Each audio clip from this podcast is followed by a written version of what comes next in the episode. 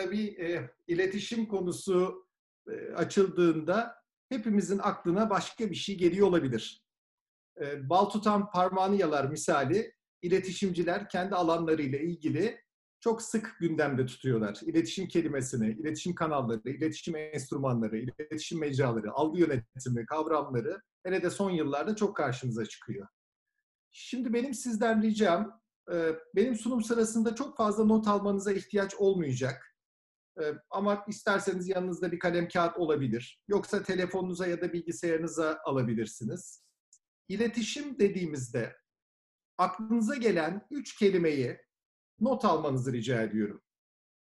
Bu bilgisayarınıza, telefonunuza ya da not defterinize olabilir. Şimdi iletişim dediğimizde aklınıza gelen üç kelime neyse onu not almanızı istiyorum. Soruları aklınıza gelen üç kelimeyi sorsak toplumun çoğuna birçoğundan duyacağımız şey hep o dışa dönük tarafı olur. Ee, ben de çocukluğumdan beri karakter itibariyle dışa dönük bir insan olduğum için böyle bir iletişimci tarafım, iletişimci yetkinliğim e, olduğu hep söylendi, anlatıldı. Mesleğim de iletişim, birazdan anlatacağım. Ama bugün göreceğiz ki iletişimin bir de içe dönük bir tarafı var. İletişim sadece dışa dönük bir şey değil. İletişimin içe dönük tarafından da konuşacağız. O yüzden başlığı algın ve iletişim arasındaki bağ yönelik bir e, e, ne, ne ilişki var ona baktım. Tabii ki çok olağanüstü bir dönemdeyiz. Bu olağanüstü dönemde olduğumuzu da unutmamamız lazım.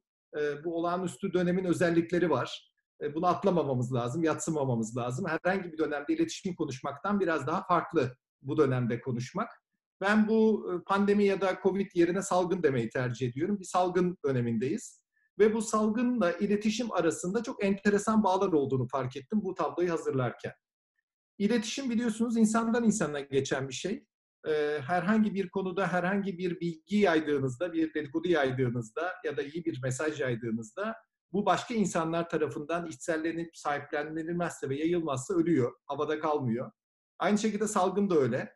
Yüzeylerde çok uzun yaşamadığını, insandan insana geçmediği zaman e, diğer canlılarda ya da yüzeylerde çok uzun süre yaşamadığını öğrendik hep birlikte. E, bir başka özelliği e, iletişimin aracı mesaj. Mesaj aracılığıyla iletişim insandan insana geçiyor. Salgın da bir virüs aracılığıyla insandan insana geçiyor. Virüsün kökeni doğa olduğunu biliyoruz. Bu yarasalardan doğduğu rivayet ediliyor. İletişimin de kökeni doğa. İnsanlar iletişimle ilgili sesleri, sözcükleri, e, sembolleri, simgeleri aslında doğayı taklit ederek bulmuş vaziyetteler.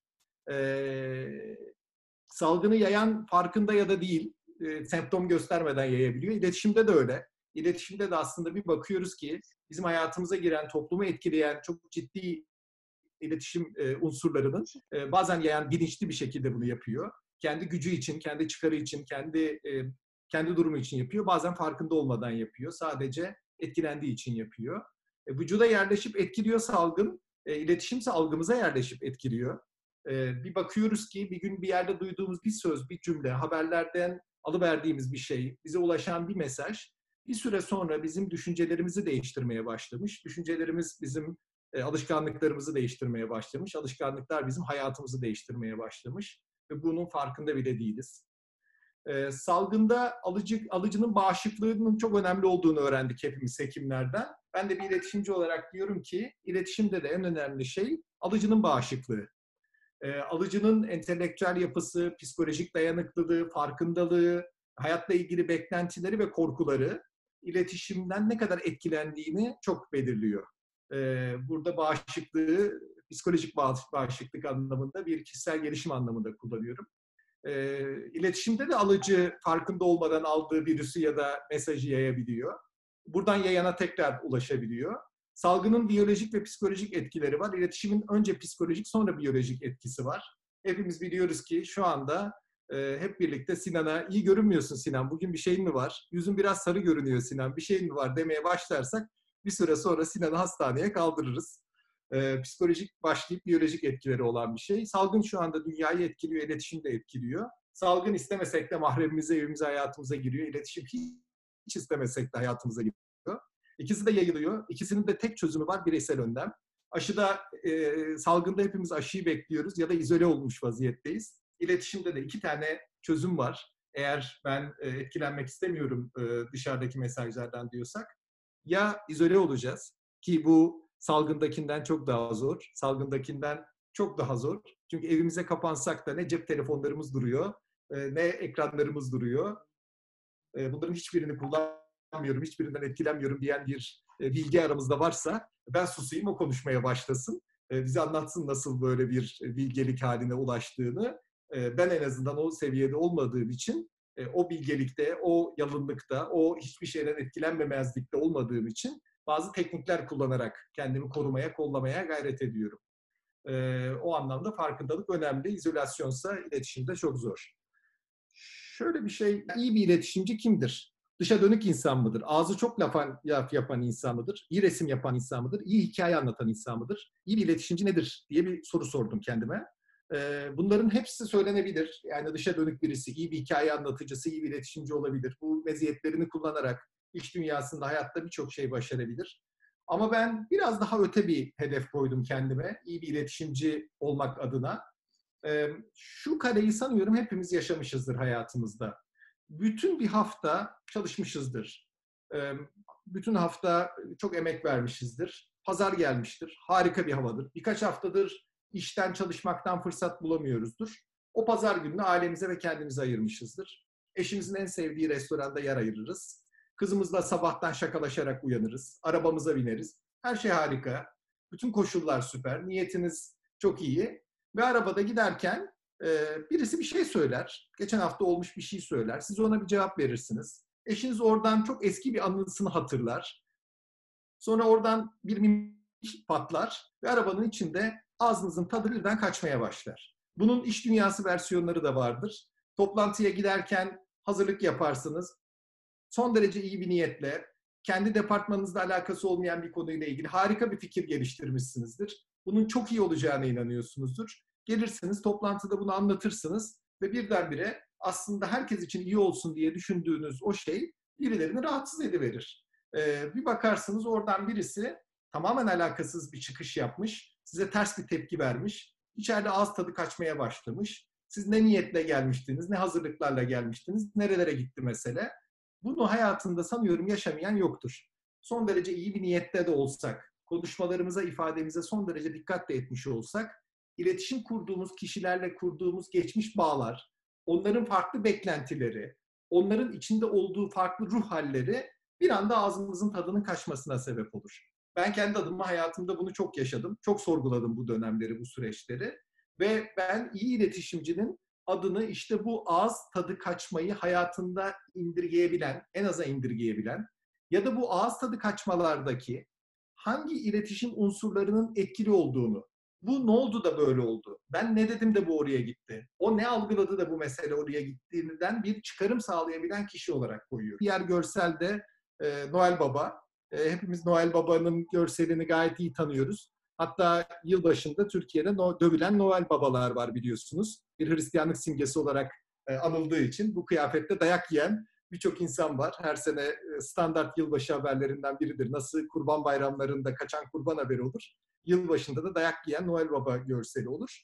Noel Baba'nın tarihsel simgesini hepimiz biliyoruz. Aslında hani Antalya kökenli olduğu düşünülen e, bir aziz aslında Noel Baba. Ama Noel Baba'ya bu kıyafeti giydiren yani bu kırmızı kıyafeti giydiren Coca-Cola.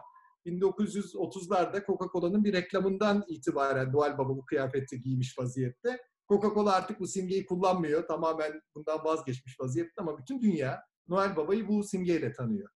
Bu dört örneği niye paylaştım? Mutlaka içinizde bu hikayeyi bilenler vardır ama en azından bir tanesini bugün duymuş olanlarınız varsa ben kardeşim etkilenmiyorum dışarıdaki algıdan. Ben gayet bilinçli, şuurlu, entelektüel bir insanım dediğimizde kendimizi sorgulamamız için bu görselleri paylaşıyorum. Hani o dedik ya aynı korona gibi iletişim de evimize, hayatımıza sızıyor. Aslında sızıyor hepimizin hayatı. Trump e, korona virüsü demiyor, Çin virüsü diyor. Hatta geçenlerde yakalandı. Konuşma metninde kendimi yapmış, danışmanımı yapmış ben de bilmiyorum ama koronanın üzerine çilip, silip Çin yazmış vaziyette. E, ve hatta bir basın toplantısında bir gazeteci bunu ona sordu. Dedi ki bu yaptığınız e, hoş karşılanmıyor. Çin'den büyük tepkiler gördü ama o bunu söylemeye devam etti. Google'da rahatlıkla bulabileceğiniz bir görsel.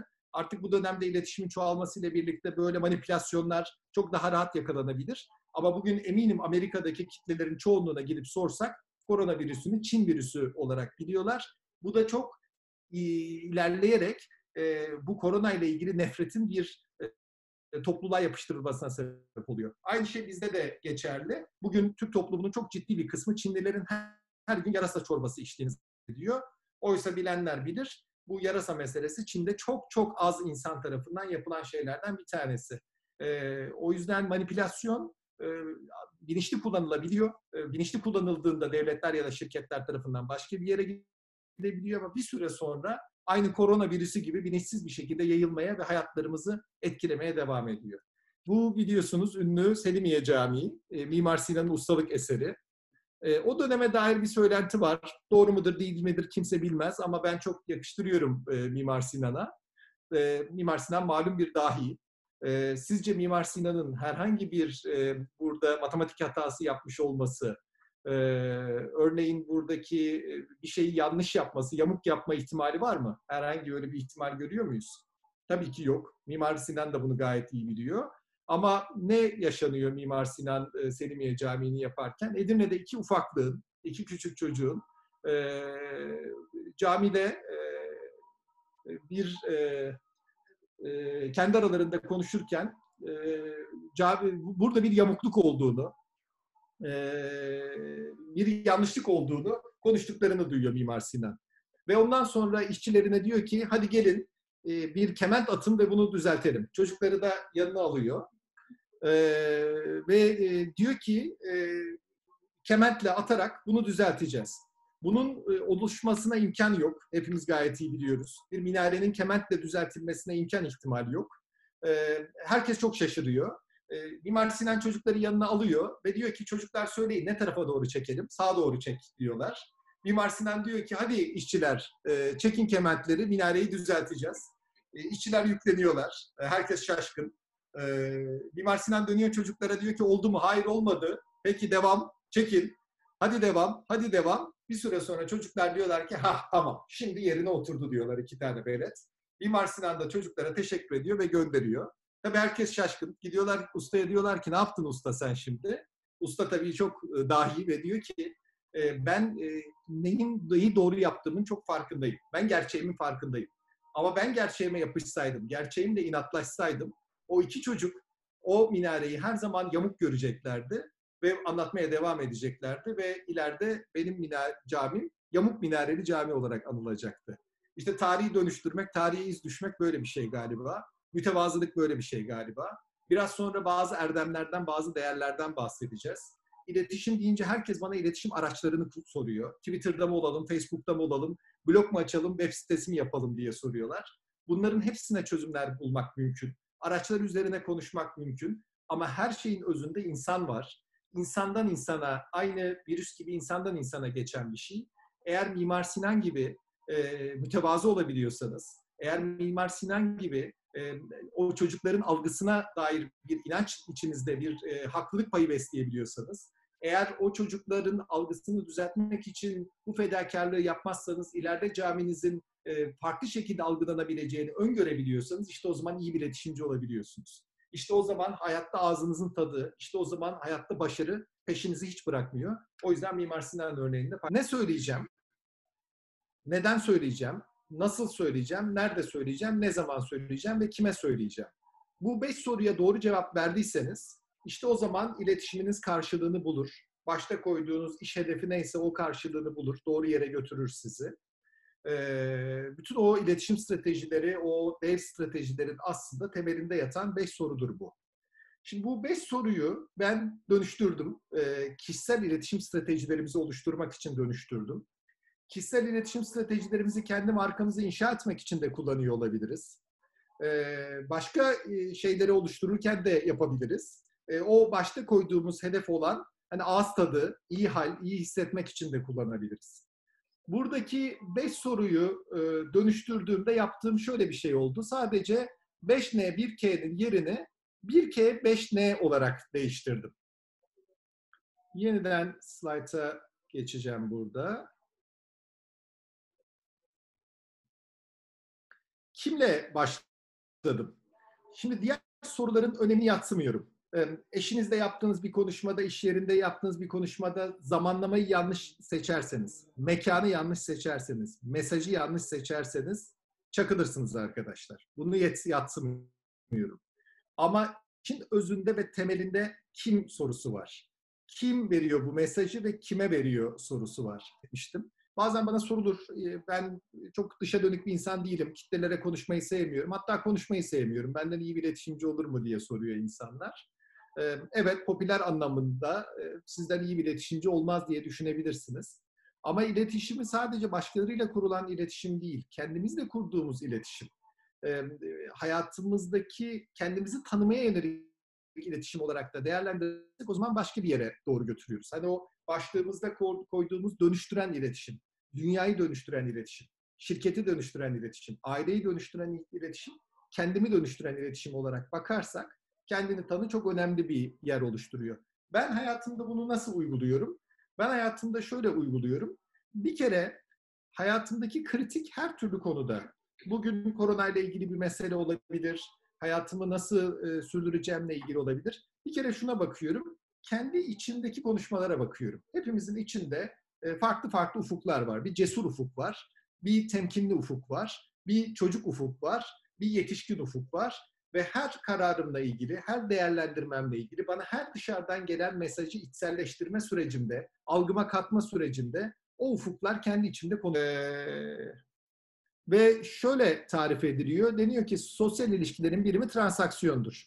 Az önce Sinan'la benim aramda olduğu gibi iki ya da daha fazla kişi karşılaşırsa er ya da geç içlerinden biri konuşacaktır ve diğerinin mevcudiyetine dair bir tanıma belirtisi gösterecektir. Bu transaksiyonel uyaran olarak adlandırılıyor.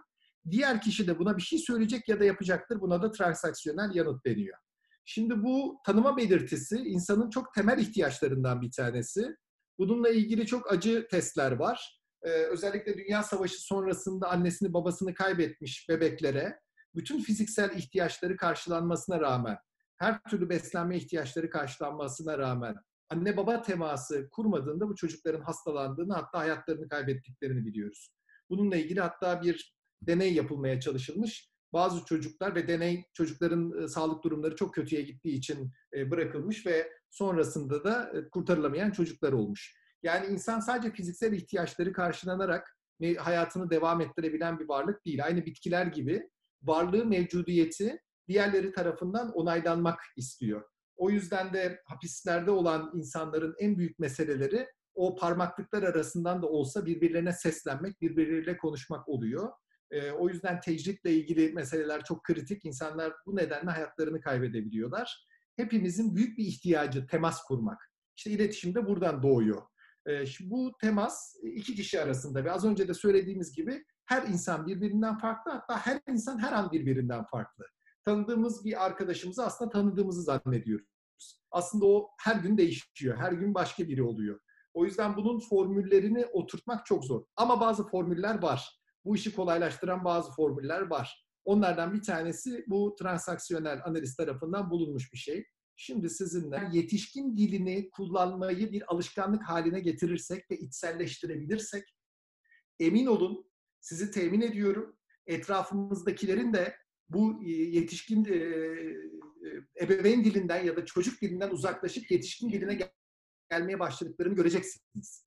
Çünkü burada bahsettiğimiz bütün öğretiler, bütün doğrular aslına bakarsanız insanın özünde ve doğasında olan şeyler. Bunun amacı da su seviyesini alçaltmak. Yani konuşulmayanları, saklananları, bastırılanları ortaya çıkarabilmek. Bunları ortaya çıkarabilirsek o zaman gerçek bir anlaşma yapıp gerçekten ağız tadıyla ilerleyebileceğiz diyor. Bir, tüm görüşleri al. Kendinle ilgili hayatta bir karar verirken dile bunu yap. Ee, kardeşim bu korona döneminde ben markete gideyim mi gitmeyeyim mi, sokağa çıkayım mı çıkmayayım mı ilgili içinde birkaç tane ufuk konuşuyor. Bu konuşanlardan bir tanesi diyor ki oğlum deli misin niye riske alıyorsun? Bunu yapma. O tarafı bir yeri bastırıyor. Diyor ki hayır çok uzun süredir içeride durdun ödül var ilerlemen lazım. Bunu yapmamak için bütün tarafları konuştur. Konuştur. Bütün tarafları dinle. Bunu yapabilmenin bir önemli özelliği var. Ortamın güvenli olması lazım. Bakın topluluklarda eskiden beri taşıdığımız bir şey var. Aykırı olanı kapıya koymak. Hani az önce bir arkadaşım söylüyordu ya ben yetişkin dili kullandığımda e, beni soğuk olmakla yani kültüre ait olmamakla, yabancı olmakla itham ediyor. Bu çok eski bir gelenek. Ee, eskiden de e, eğer siz topluluğa ait davranmazsanız en büyük yaptırım neydi? Sizi kapının dışına, köyün dışına, mağaranın dışına bırakırlar. Açlıktan orada hayvanlara yem olur, öldürür gidersiniz. En büyük tehdit seni kovarım. Çocuklarımıza da bunu yapmıyor muyuz? Odana git. Sen yarın artık bizimle gelmeyeceksin. Sen bu aileden değil misin?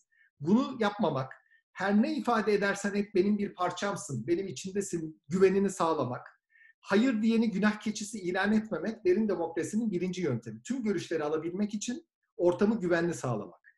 Hayır demeyi güvenli kılmak. Bunu sağladıktan sonra hayırı yay diyor kardeşim. Bir hayır varsa, bir itiraz varsa kendi içinde ya da grupta bunu bastırmak yerine bunu yay. Çünkü bir hayır diyen varsa az önce ne oldu soru var mı dedim arkadan başka sorular da geldi. E, demek ki o kişi, o ilk soruyu soran kişi, o ilk çıkacak kişi grupta bir rolü temsil ediyor, bir kitleyi temsil ediyor. Siz eğer o ilk kişiyi susturur ve bastırırsanız soru sorma ihtiyacı olan diğer kitleyi de bastırmış olacaksınız ve kaybedeceksiniz. Onları terörize edeceksiniz. Ve biz artık bir grup dinamiğini kaybetmeye başlayacağız. O yüzden hayırı yay ve günah keçisi olmayı engelle. Bütün bunları yaptıktan sonra artık oylama aşamasına geç. Sinan Bey'in de yaptığı gibi. Çünkü burada soru sormak isteyen arkadaşlarım da var. E, ayrılmak zorunda olan arkadaşlarım da var. Her zaman sınırsız kaynaklara sahip değiliz. O yüzden bir oylama yapmak zorundayız ve çoğunluk e, nedeniyle ya da koyduğumuz kurallar nedeniyle ilerlememiz lazım. E, ondan sonra da şunu sor diyor. Şu soruyu sor diyor. Bununla ilerlemek için neye ihtiyacın var? Kaybedene bunu sor diyor. Sinan Bey dedi ki bizim ilerlememiz lazım, saati tutturmamız lazım ama arkadaşlara sonra sorularını sormaları için zaman tanıyacağız. Bu çok değerli bir bilgi bakın. Kendi içinizdeki itiraz edene de bunu sorabilirsiniz. Evet, içindeki çocuk kaybettin. Bu dönemde sokağa çıkma şansını sana vermiyor olanaklar. Peki bununla ilerlemek için neye ihtiyacın var? İçimdeki çocuk diyecek ki benim günde bir saat balkonda oturmaya ihtiyacım var. Bunu söyleyecek güvenli ortamı yarattıysanız ve bunu duyuyorsanız ve bunu uyguluyorsanız işte o zaman derin demokrasiyi uyguluyorsunuz demektir. Kendi içinizde de topluluğunuz içerisinde de ağız tadıyla e, çatışmaları, zıtlıkları yönetip yürütebiliyorsunuz demektir. Bu iletişim, bunu da mutlaka duymuşsunuzdur. Şiddetsiz iletişimle ilgili meseleyi de çok duymuşsunuzdur. E, şiddetsiz iletişimin e, detaylarına girmeyeceğim ama dört tane yöntemden bahsediliyor. Bir tanesi doğru gözlem. E, herhangi bir iletişim faaliyetinde bulunmadan önce doğru gözlem yap diyor. E, hani o e, gece 11'de çocuğumuzun bilgisayarla halini görüp rahatsız oluyoruz ve biliyoruz ya o tartışma mutlaka kötü bir yere. Ne o çocuğu o bilgisayar başından kaldırabileceğiz ne biz takdim biliyoruz yani o kötü bir yere gidecek. Ne yaparsak bu böyle olmaz anlatacağım şimdi. Bir diyor şiddetsiz iletişim. Önce diyor gözlem yapman lazım. Bakın bu doğru gözlem meselesinde uzak doğu öğretileri çok iyi yol almış vaziyetteler. E, bütün o Zen, Budizm öğretileri, e, doğru gözlem yapma, başlangıç zihni meselesinde çok ilerlemiş vaziyetteler. Ben sunuyu bitirdikten sonra, birazdan bitireceğim, eşim yanında, o bu alanda çalışıyor çok uzun zamandır. Bize bu doğru gözlem yapma, e, başlangıç zihni meselesinde yargılamadan e, doğru gözlem yapma meselesini anlatacak. Diyor ki şiddetsiz iletişim bir, iletişim faaliyetine geçmeden önce, bir şey söylemeden önce doğru bir gözlem yap. Ortamla ilgili doğru bir gözlem yap. Bunu eşim ileride anlatacak. İki, Dön duygularına bak diyor. Biz hep gerçeklerin peşindeyiz. Diyoruz ki ya ben haklıyım, haklıyım, söylemeliyim, babayım. Hayır, duyguna bak. Hangi duygu şu anda seni dürtüyor? Bu duygularla ilişkimiz çok zayıf. Nasılsın sorusuna verdiğimiz cevapların hiçbirinde duygu yok. Ee, lütfen duygularımızla daha kuvvetli temas kuralım. Ardından doğru gözlemi yaptın. İçindeki doğru duyguyu buldun. Ondan sonra ihtiyacını bul diyor. Senin ihtiyacın ne? Şu anda senin ihtiyacın ne? e, bu çocuğun erken uyuması mı, e, senin babalık görevini yerine getirmiş olman mı, ne? Bunu bul diyor.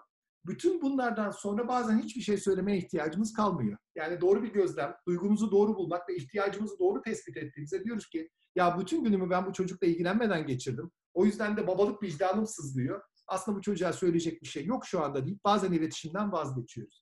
Bütün bunları doğru yaptıktan sonra hala iletişim kurmak istiyorsak doğru bir yoldayız demektir. O zaman da diyor ki somut bir şekilde isteğini ya da ricanı ifade et.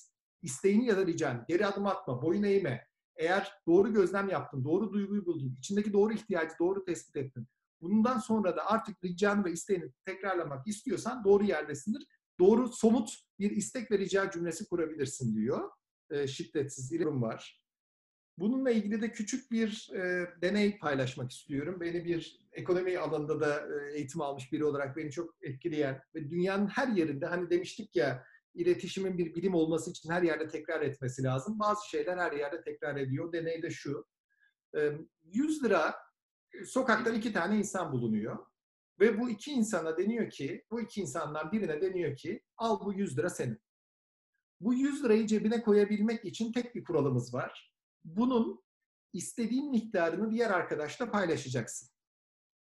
Diğer arkadaş da bu arada sizin 100 lira aldığınızı biliyor.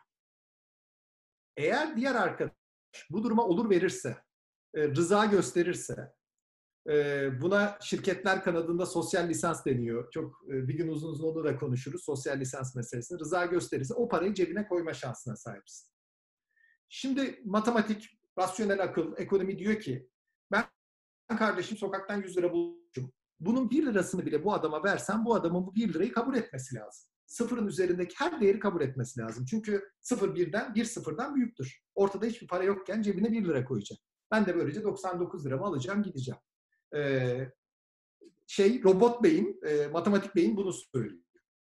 Akıl vicdan diyor ki kardeşim 100 lira bulmuşsun, sana teklif veriliyor. 49 liraya kadar bir teklif yapabilirsin deniyor ve karşı tarafında bunu kabul etmesi lazım deniyor. Oysa deneylerin sonucunu söyleyeyim. Bunlar farklı coğrafyalarda o iki kişinin birbirine benzemesi, benzememesi durumlarında mesela bir beyaza bu para verildiğinde siyahi birine yaptığı teklif bir sürü detayı var ama özünü söyleyeyim. Çoğunluk şunu yapıyor.